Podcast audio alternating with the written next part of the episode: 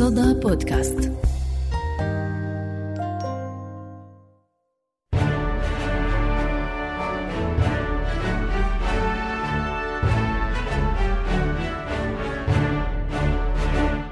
من زمان قالوا العرب في وصف الطموح العالي بأن طموح يصل عنان السماء وما كانوا يدرون إن هالمقولة اللي انتهجت نهج المبالغة في مضمونها العام بتكون حقيقة مثبتة يشهد لها القاصي والداني ويشوفونها بأم أعينهم.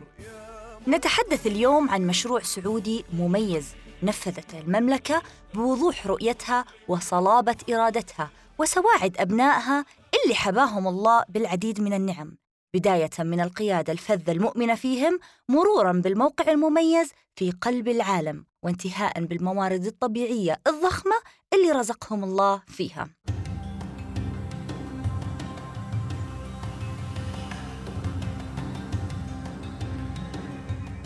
شاهين سات.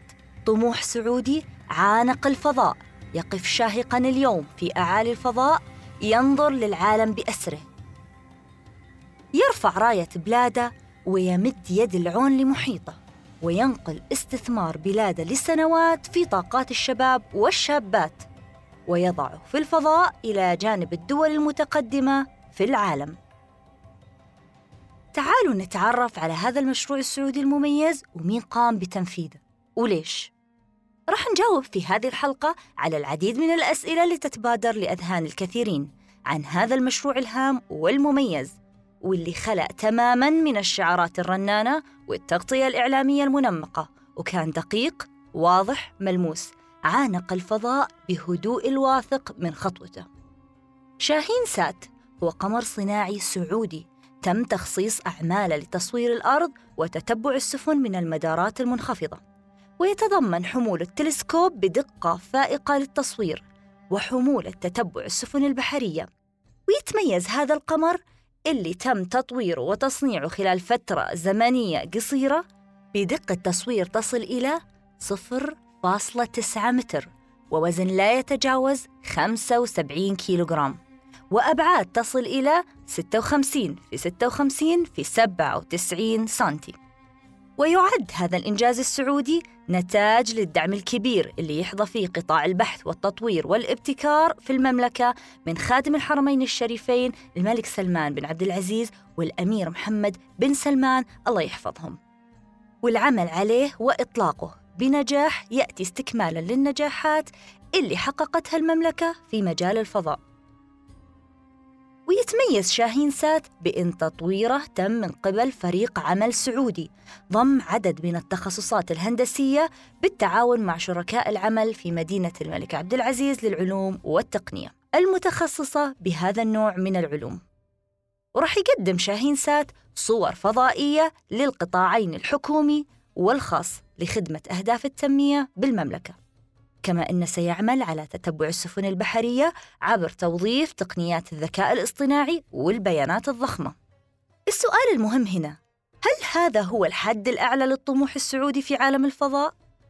الجواب بكل سرعة بالطبع لا، فالإيمان السعودي بعلوم الفضاء أصبح واضح للجميع. فمع وجود الهيئة السعودية للفضاء، أصبحت الجهود الوطنية بهذا القطاع تعمل بشكل مؤسسي ولها إطار عملي وقانوني واضح. فالهيئة تهدف لتنظيم كل ما له صلة بقطاع الفضاء وتعمل على تعزيز الأمن والحماية للقطاع من أي مخاطر محتملة كما تضمن رعاية مصالح المملكة ومكتسباتها في هذا المجال. وتشجع الأنشطة البحثية والصناعية المتصلة بالفضاء وتنمي الكوادر الوطنية المتخصصة في هالمجال. وعلى الهيئة تنفيذ عدد من المهام حكم إطارها القانوني والتشريعي.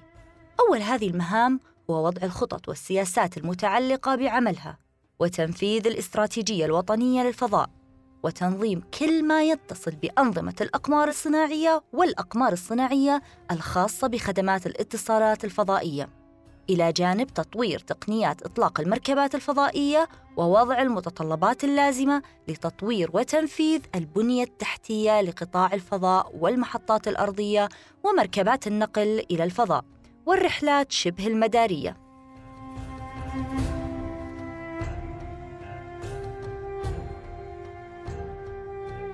كل هذا يسير جنبا إلى جنب مع مهمتها في تنظيم ما يتصل ببعثات علوم الفضاء والاستكشاف وتنمية الكوادر الوطنية في مجال علوم الفضاء ودعمها وتنظيم ما يتصل بالأنظمة العالمية للملاحة عبر الأقمار الخاصة بتحديد المواقع والتحركات والوقت وتطويرها. والعمل على تعزيز الأمن الفضائي من خلال رصد الفضاء وتتبعه ورصد الحطام الفضائي والإنذار المبكر وغيرها من الأنشطة ذات الصلة والتعاون مع الجهات الحكومية والهيئات المماثلة في الدول الأخرى والمنظمات الدولية فيما يتعلق باختصاصها وفقا للإجراءات النظامية وأيضا تمثيل المملكة في المحافل الدولية ذات الصلة باختصاصاتها. وكما هي في العادة تتحول الأفكار والطموحات في المملكة لبرامج عملية واقعية ومبادرات تدار بأسس علمية. أبرز تلك البرامج برامج أجيال واتفاقية موهبة برنامج ابتعاث الفضاء برنامج الرصد الفضائي للمناخ برنامج مقدمة في تطبيقات الفضاء وبرنامج رواد الفضاء وأخيرا اتفاقية أرتميس اللي تم توقيعها مع شركة ناسا العالمية.